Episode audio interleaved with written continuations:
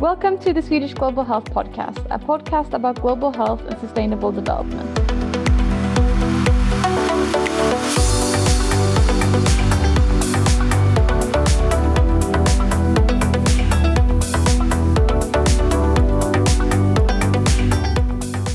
And welcome to today's episode, which is a heart to heart with Anders Nordström.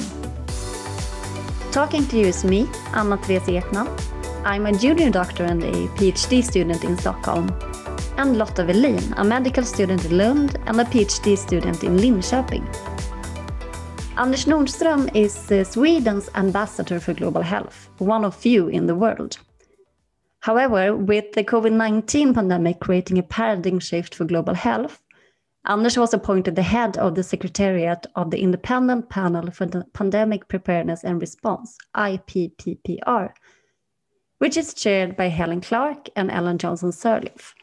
Since graduating as a medical doctor in Stockholm, he has had, among many other positions, experience working for the Swedish Red Cross, the International Committee of the Red Cross, the Swedish International Development Cooperation Agency, SIDA, and served as the interim executive director for the Global Fund to fight AIDS, tuberculosis, and malaria.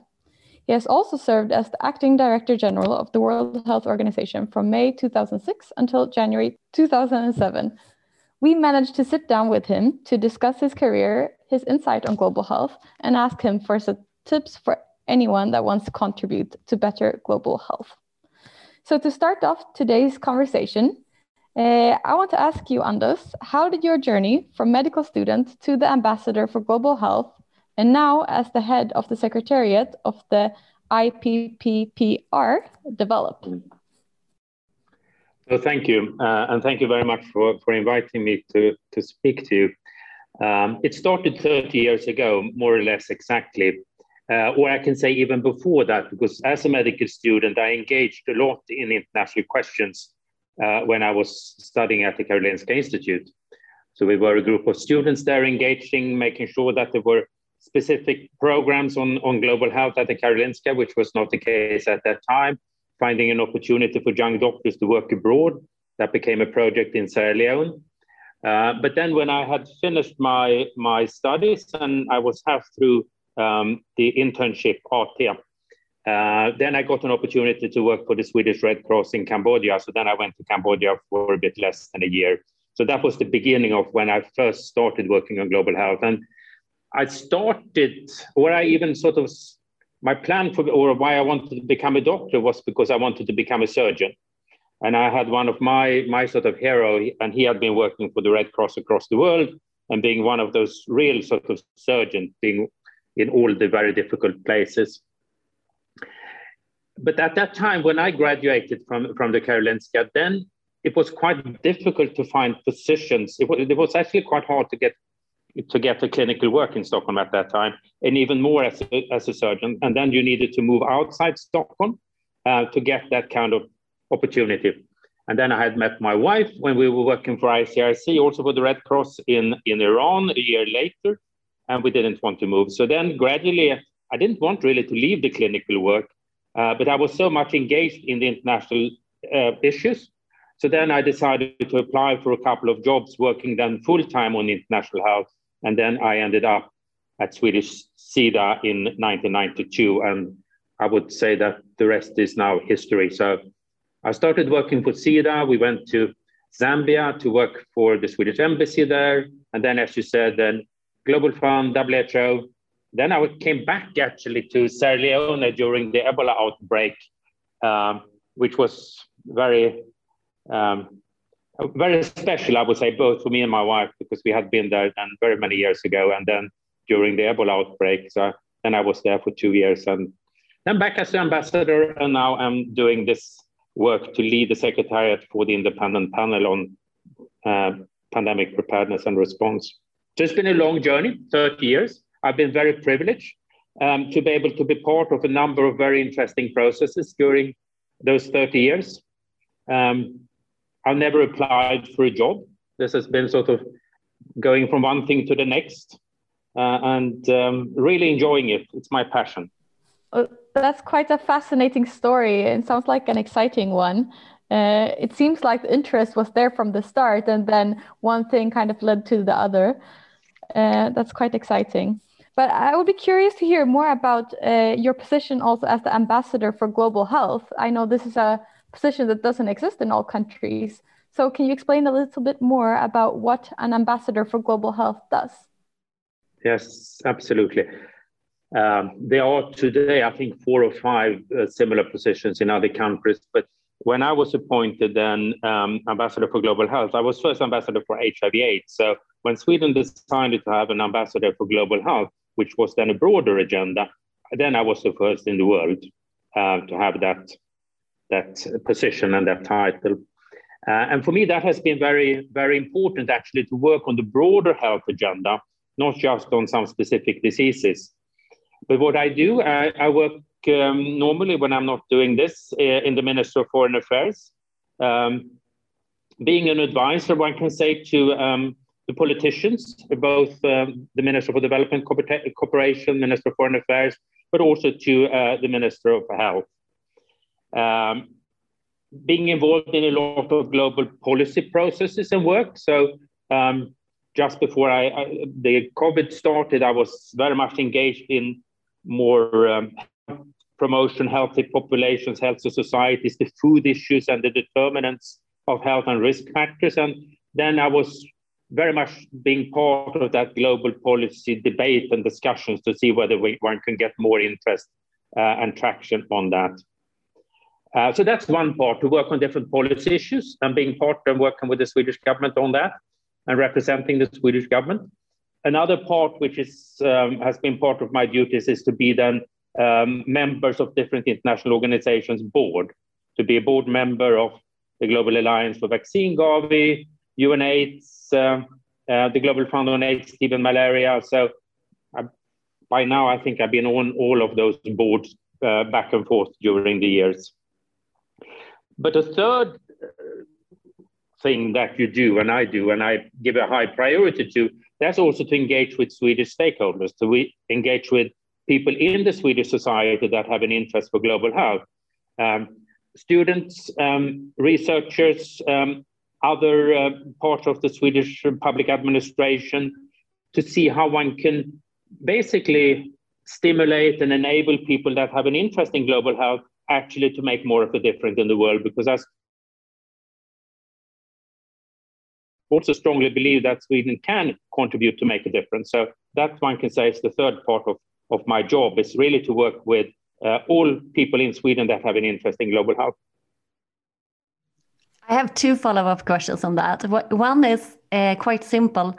Do you miss clinical work? Uh, thinking about that you actually consider to have a clinical career. And the second one is more uh, about like looking back on this journey that you have been on career wise. How do you feel that the momentum for global health has evolved? Like when you speak and engage with different stakeholders, um, how is global health perceived? I mean, on on the on the first question whether I missed the clinical work, uh, I did it at the beginning, uh, and in some way, I possibly can can think about it still. I mean, especially now seeing that there is a huge need for more people working on on COVID in Sweden, and my wife is a midwife; she works in the clinic. Uh, so of course, I love that work, uh, and uh, I enjoy or love very much engaging with patients and and yeah, just basically clinical work. Um, what this work has been is also working a lot with people. Uh, so in some way, that's what you what I had witnessed, sort of working as a doctor, interacting with people, being able to speak to people and to connect to people. Um, I benefited a lot from that in this work because I mean, when you do the kind of work that I've been doing, part of my sort of 30 years, then I've been part of a team, but sometimes I've been leading a team and being um, a manager. Uh, and it's always about working with people. So, I mean, in some way, yes, I'm not working with patients, and I wouldn't call my colleagues patients, but still, it's about interacting, interacting with people and making sure that we can move forward. So, I, I, I miss it in some way, but I get a lot of this, the benefits and the pleasure of work continuously working with people. if I look back in terms of global health, what has happened, I would say that what the first time um, when we really got an enormous increase of interest in global health at sort of a peak was with, with the Millennium Development Goals. So in 2002, perhaps, it took a couple of years after the Millennium Declaration that was agreed on, on 2000 then. Uh, and then the MDGs began to get traction. And three of them had to do with health. One on maternal and child mortality, the second one on the three diseases. Uh, no, there were one on, on maternal health and one on, on child health. Uh, and that, of course, was a peak then. The creation of the Global Fund, that's one big thing then to uh, raise more resources and more attention on them fighting AIDS, TB, and malaria, but also the enormous momentum around women's and children's health to reduce maternal and child mortality. Then I would say that there was a little bit of going down when we went from the MDGs to the SDGs, and we have a different kind of health goal today. Um, better, I think, but broader and more difficult. So it's been slightly more difficult to get the same kind of traction. Uh, but of course, now what we're doing now is that we're basically living it. Everybody is living global health right now. Um, so there is no alternative now that the world needs to take this extremely serious, how we move this forward, and not just about defeating the virus and getting the vaccine there, but really understanding what is needed in terms of access to, to basic health services, but also addressing the underlying determinants that have made people more or less vulnerable now during this outbreak.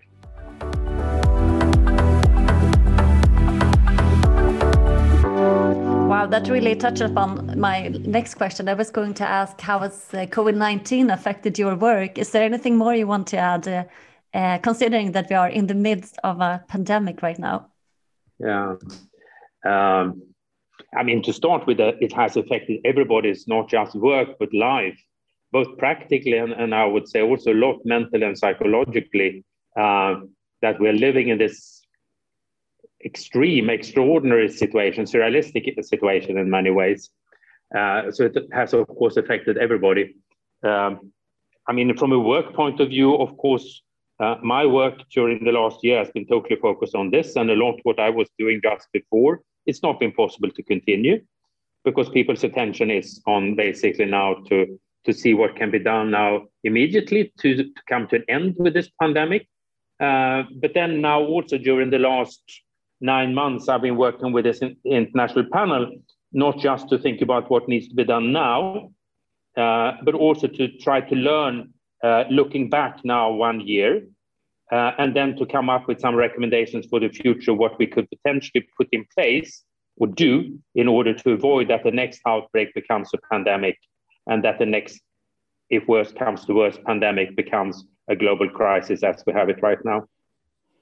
Yeah, thank you for sharing that. Um, we spoke a little bit about how global health has evolved, and I think uh, one aspect of that is also the how global health leadership has evolved, uh, with kind of starting in the roots of tropical medicine and international health to kind of the more yeah. modern day global health.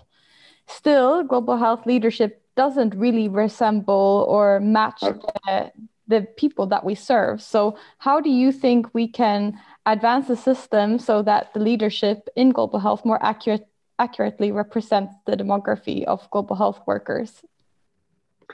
I mean, in some way, um, there are two, two answers or dimensions to that question. And you partly said it that it's not just whether the global health leadership represent the demography and the people they serve, but also whether they represent the agenda to serve. If you go back and think about when I started and uh, um, studying medicine. Then it was tropical medicine. And then it became in Swedish medicine, And today it's then global health. Uh, so there's been also a change in terms of the actual agenda, the content of this, moving from the tropical diseases uh, to um, focusing on uh, health issues then in low and partly middle income countries to today being an agenda about global health that is something that concerns all of us. We, we live it, as I said, right now in Sweden just as much as they do in Nigeria. So suddenly now we have a different sort of paradigm or, or thinking should have a different kind of thinking around global health. Um, so their leadership today, um, I think again there are two dimensions to this in terms of what they represent. They do not represent this new thinking around global health yet. They're still very much in this sort of MDG era thinking. This is about diseases, this is about issues in another part of the world, this is about development, this is about, uh, yeah, of course, then child and maternal mortality.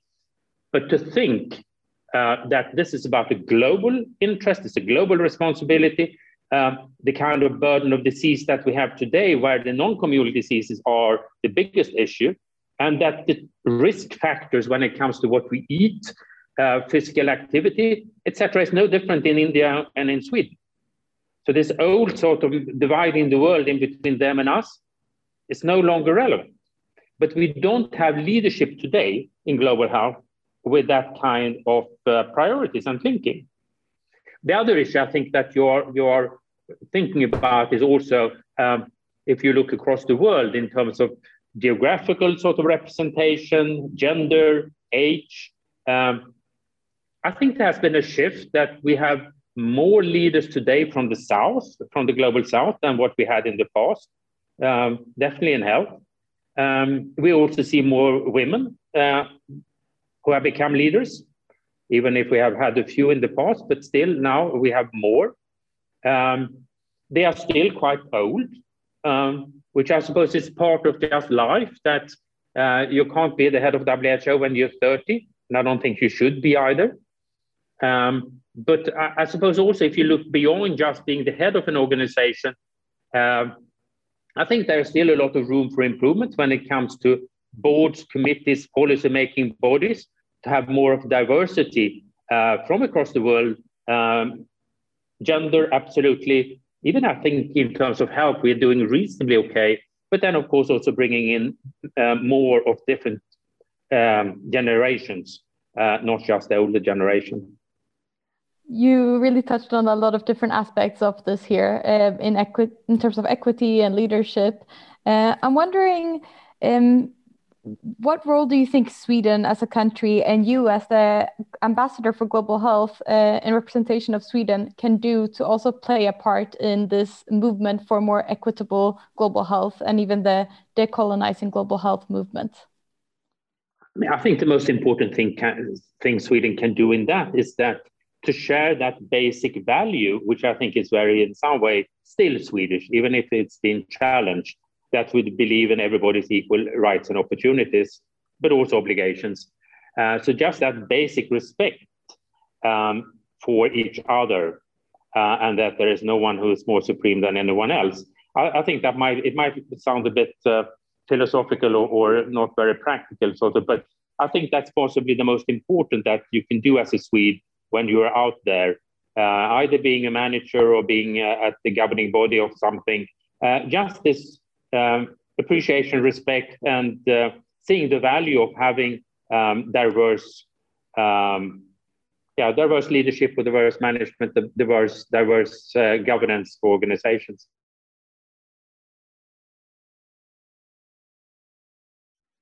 Is there anything we can do at home in order to uh, include more more perspectives in leadership? Uh, there's always more that you can do. Um, I think, I mean, we, we, I think we have that situation in Sweden right now that uh, we have uh, the appreciation for diversity is being challenged. Uh, and I think just to fight that and to show that that is actually in some way nonsense, it doesn't make sense. It's not, it's, it's not just uh, totally lack of respect and lack of respect for basic human rights. It's also very inefficient and bad way of actually uh, working if you really would like to be successful. I mean, you should like for look for diversity uh, and getting inputs from people coming from both different backgrounds, but also having people with different personalities. I when I now I'm heading a team of, of 12 people. Um, and I always look for diversity, not just in terms of gender or coming from different parts of the world, but also in terms of competences and in some way personalities. That you have some people that are very fast and keen to do things rapidly, get things done now. And then there are other people saying, no, wait, hold on, we need to think about this. having that mix of uh, people have coming with different experiences, but also different ways of thinking and working adds value. It adds to the quality. So I think one can always look for that at home, but then I, I think we have uh, a lot of work to do also to fight uh, people who says that diversity is not uh, something good.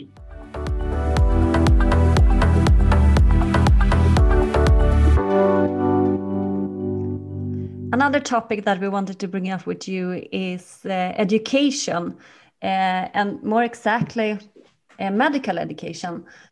What do you think should be included about global health in medical education? What should be, uh, maybe we should say, like the bare minimum of global health knowledge within uh, the medical, the next generation of medical doctors? I mean, in some way, one could make that uh, extremely simple and a little bit provocative and say that there is no need for any training in global health. Because everything that we teach, that we learn, is global health because this old idea of dividing, sort of seeing that there are certain things that are tropical medicine, or there's something that is for low income countries, etc., and we need to have special training in that, is no longer valid. I mean, the most important, the highest sort of the most important, as I said, uh, um, burden of disease today are, are non-communicable diseases, even in, in poorer countries. I mean, they're changing rapidly. Uh, still, you have in in some of the low income countries, you have more communal diseases than non communal diseases, but that is changing. So, I mean, the research, doing research on diabetes today or training on diabetes, uh, the best place to go is to India. So, I mean, in some way, just to challenge this, that um, the idea that global health is different, and, and in some way, I think it's about bringing in um, the rest of the world basically in everything we do and recognizing that Sweden is part of a global community and we have a lot to benefit from actually being connected and not just connected to Europe and to, Amer- to the Americas. So that's one dimension. The other one that I would still argue for that there should be more of in the medical education that is partly linked to that, uh, but, but also what is needed in Sweden, that's much more on the public health um, to be working more on the health pre- prevention, understanding the risk factors, understanding the underlying structural factors that has to do whether you're vulnerable or not. Um, because the more we can pre- prevent and promote, remember that the present, we spoke about MDGs and SDGs, the present SDG, SDG 3 is about maximizing healthy life expectancy. It's not about saving lives. It's about maximizing healthy lives that you can live. Uh, and in order to take that serious and to do that, we need to have a much stronger focus on health rather than just disease and treating diseases. So that I think is an important dimension, and you can call that global health and part of global health or not. Uh, less relevant. The second part, which is possibly then more related in some way to the what that there are differences in the world, but again not that huge. It's more to understand health systems. I mean, how are health system actually functioning? What are the critical functions of health systems, and why is it so that uh, the health service in Sierra Leone is not working as well as it does in Sweden? Um, what are the bottlenecks? How do you understand uh, how health systems are working in terms of human resources, financing, um, service delivery systems? I mean, that is something that if I go, would go back and look at my training, I didn't have anything of that. And that is a critical element, I suppose, both for Sweden and in, if you're going to work more at, at, the, at the global level or with international questions.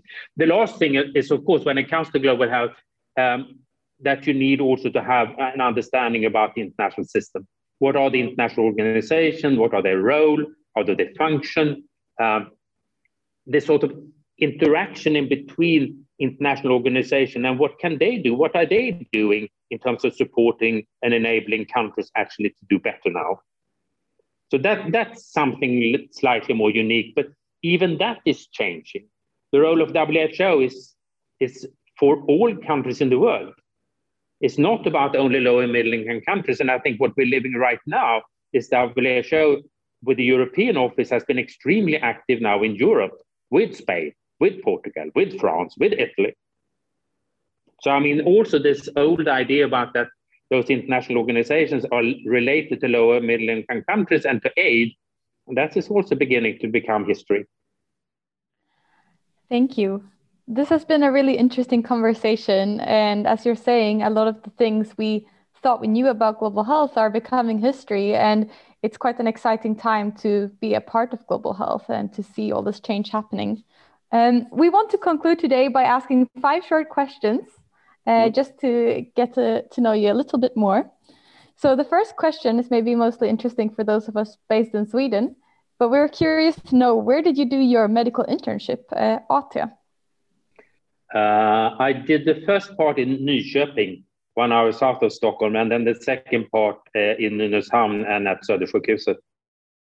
So in between there, I went to Cambodia, and that was why I started in Nyköping, and then I continued in Stockholm. Favorite clinical rotation during med school? Surgery. No question. That was a quick answer. Can you share a favorite moment in global health? Uh, that's a very good one.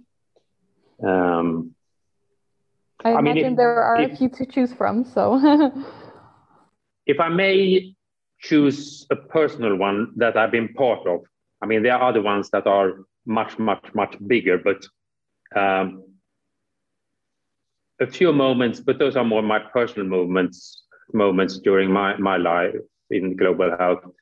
Um, I would say um, the first one, when we created the Global Fund and I signed the legal agreement, the establishing the Global Fund on the 22nd of January 2001, getting it done. I, I did it in three weeks' time to, to get it legally uh, constituted. Um, that was a great moment. And then eight days later, appointing the real board of the Global Fund. That was the creation of that. Second moment, but that was not uh, only, or it was definitely not a positive one, but still a moment that I will have with me my whole life is, of course, then when um, that morning when the previous director general of WHO, W. Lee, passed away, and I was faced then to take over the leadership for the organization uh, in May 2006. Uh, so that was a moment for me. And uh, then the next moment for me that relates then to the SDGs because I was fighting and I w- I'm the one who wrote SDG 3. So when that was adopted and the SDG became about maximizing healthy life expectancy and not universal health coverage, so it became a goal that is focusing on health, not just on health service. That was an important moment. And the last one, then I'll stop. that was standing on the, on the stage in Sierra Leone and to declare the Ebola outbreak over that was a very moving moment, moment for me. But then there are other, I mean, if you look at global health history and broader than just me, that's there's plenty, plenty more. But those are four personal moments. We will actually, as part of talking about moments, we are on our way now to finalize our report now from the independent panel. And it will be a report about what happened, what can we learn, and what we recommend for the future. But we also have a supportive story. So we have 13 defining moments. What happened during last year when we look back as a sort of hopefully a little bit more attractive thing to read, to go into certain moments about discovering the new virus. Uh, what happened when the whole pandemic hit at home in your country, the scramble for supplies, the geopolitical sort of fight, etc., etc. Talk wow. about moments. That, that's really personalizing something that is usually discussing yeah, moment, moments has times. to do with moments. Moments has to do with people, and, yes. and so we're going to try to tell the story also in terms of what happened during last year. This is also a question that we ask uh, basically all of our guests in the, uh, this podcast. Uh, what would be your, if you could choose one tip to give to young persons who look at engaging for better, uh, better health in the world and uh, sustainable development, what would that one tip be? In some way, uh, don't think so much, just do it and, and make sure that you listen to your passion. then, exactly where you start, um, it doesn't really matter. but use your passion and energy to engage on something that you feel is important that has to do with people's health. Uh, and then the rest will come. I think that's a very good piece of advice. I think a lot of young people may be a bit too shy to maybe uh, contact a, a, mentor or grab an opportunity. So I think that's very helpful. But also just to get the first experience, to get go get over that, like what you're doing right now. Mm-hmm. Do a podcast. I mean, engaged in some way, and you've done much more than that. But um, that way of just sort of making sure that you use your passion and energy, and then the more you do, the more you will be able to do in addition to that. Yeah, I think that's very true. So the final question of the final five uh, is if you have any book you can recommend to our listeners. It doesn't have to be a global health book. oh my God, uh, that was a difficult one. I'm, I'm just on on uh, Obama's um, 1500 pages. I'm not sure I would recommend that. It's too many pages. Um, no, sorry, I don't get one. I've got four or five on my my my. Um, I'm reading a very, but I never remember what book the, the titles of book. I'm reading a very weird story about a guy whose father died and he's taking the ash. His, his sort of father is speaking to him still while while he's dead, and he's taking his father's ash uh, to the funeral of um, his father's mistress, and then he's finding out that he has got a a half sister. It's a very odd story, but it's quite nice. it's very well written, but I don't remember the title. That's interesting. Maybe we can play detectives and, and find out the title. Thank you so much for taking the time and joining the podcast. Yes, thank you thank so you. much.